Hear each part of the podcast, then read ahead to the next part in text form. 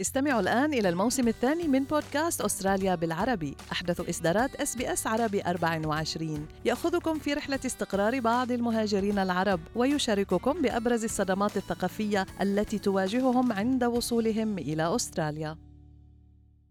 أنتم برفقة SBS عربي 24 ما زالت أسعار المنازل في أستراليا مستمرة بالارتفاع.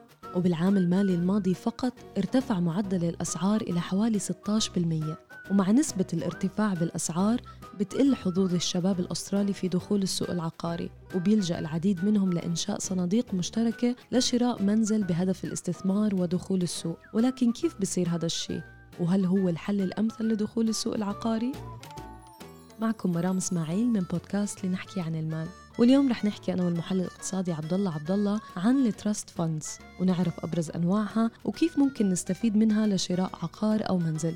بس خليني أذكركم إنه كل اللي بنقال بهاي الحلقة هو على سبيل المعلومات العامة فقط وليس نصيحة خاصة.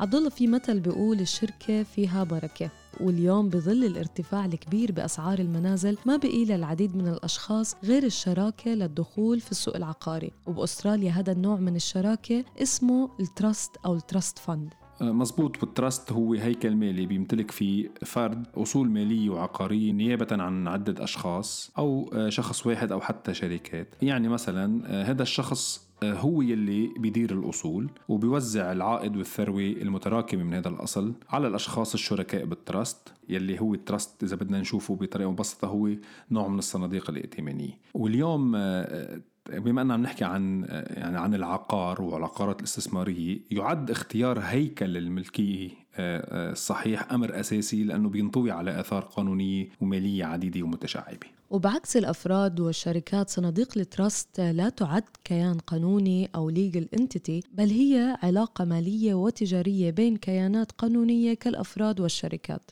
مزبوط. واليوم في العديد من أنواع ال trust بإستراليا ابرزها صناديق ال discretionary trust يلي هي غالبا صناديق العائليه واليوم في مرام حوالي 600 ألف صندوق trust عائلي بإستراليا. يعني الموضوع كتير عنده شعبية بإستراليا. النوعين الثانيين هن ال unit trust وال hybrid fund وفي ال self managed super fund كمان يعتبر نوع من ال trust. بس نحن اليوم حنركز على ال discretionary trust لأنه هو أكثر نوع يستعمل بموضوع الاستثمار العقاري. صحيح عبد الله ويتم إنشاء هاي الصناديق بمساعدة متخصص عادة ما بيكون محامي أو محاسب ويتم وضع قواعد هذا الصندوق في وثيقة تسمى بال trust deed يلي بحدد قواعد الثقة وأسماء الأطراف المعنية طبعا بال trust fund. مثلا بالنسبة لل discretionary trust يعني اللي هن كنا عم نحكي عليهم الصناديق العائلية بتكون الأطراف المعنية أول طرف بيقولوا له ال settlor وهو الشخص يلي ينشئ الصندوق يعني مثل ما كنت عم تقولي المحامي أو المحاسب وما بيشارك هو بتشغيل الصندوق بعد إنشائه وعادة بيتم استبعاده من القدرة على تلقي أي فائدة من هذا الصندوق. الطرف الآخر هو ال trustee وهو المالك القانوني للأصول وبيتحكم بالصندوق وبياخذ القرارات. الطرف الثالث بيكون بسموه ال appointor أو ال principal يلي هو المعين أو المدير هو الشخص يلي بيتمتع بسلطة لتعيين ال trustee أو إزالته أو استبداله ب trustee تاني. الطرف الطرف الرابع هم بيكونوا بطبيعة الحال ال beneficiaries أو المستفيدين من هذا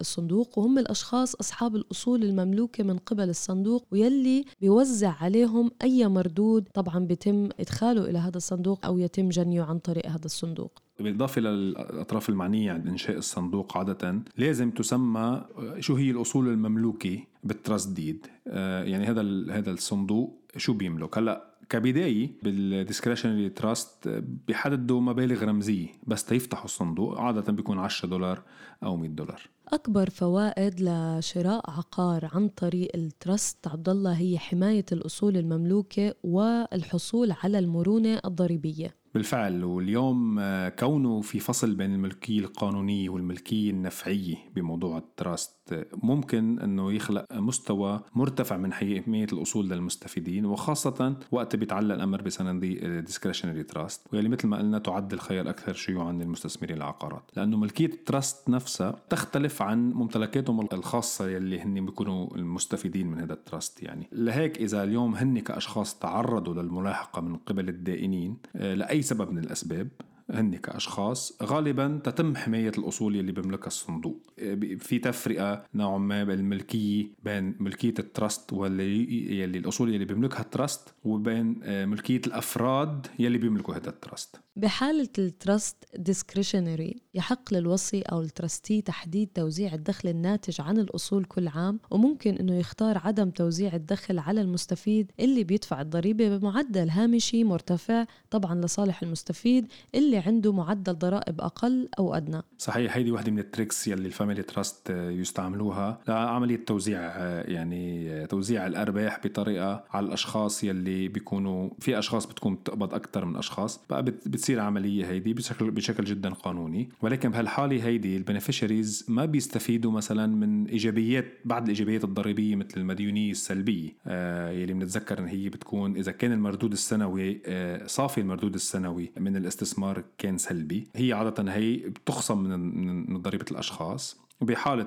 المديونية آه، السلبية بحالة ال trust ما بيستفيد منها الأشخاص هي والفائدة الثانية اليوم آه، أو الفائدة الضريبية الثانية هي بعملية الوراثة وانتقال الملكية. لأنه آه، بتسهل الصناديق نقل ملكية الممتلكات وقت بيمرض شخص أو مثلا يعاني من إعاقة أو يتوفى. بيوضح اليوم ال deed الصك تبع الصندوق كيف يجب على الوصي ال trustee التعامل مع ملكية الأصول داخل ال trust وتخفيف المشاكل اللي بتحصل عادة عند التركة.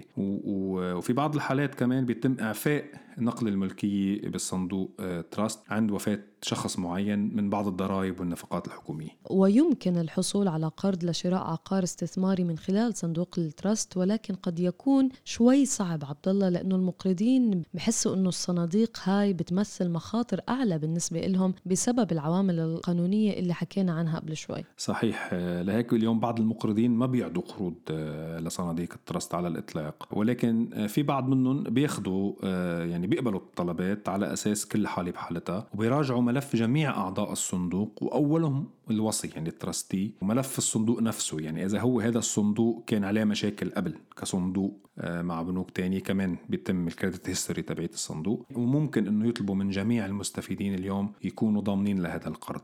وبعض الأحيان بتكون آه، معدلات الفوائد والرسوم أعلى وقت ال trust بياخد قرض من الأشخاص الأفراد. لأنه مثل ما كنت عم بتقولي آه، ممكن المقرضين يعتبروا ال risk أعلى. مشان هيك بطبيعة الحال بيطلبوا هن كبنوك أو كمقرضين return أعلى وقت بيكون عليهم risk أعلى بيطلبوا return أعلى بصفة فوائد أعلى يعني. المهم لكل من يرغب في استخدام صناديق ال trust عبد الله إنهم ياخذوا الوقت الكافي للتفكير في سبب استخدامه وكيفية استخدامه فهو ليس حل سحري لقضايا حماية الأصول والضرائب بل هو أداة لتوفير المرونة الضريبية ويجب أن يتم إنشاؤه وإدارته بشكل صحيح. ودائما نستشير أهل الاختصاص من محاميين ومحاسبين لمعلومات زيادة ولأحسن يعني حل بالنسبة لنا ولوضعنا المالي. خليكم معنا مستمعينا في بودكاست لنحكي عن المال لنضل نواكب كل المستجدات اللي بتهم حياتكم المالية والعملية في أستراليا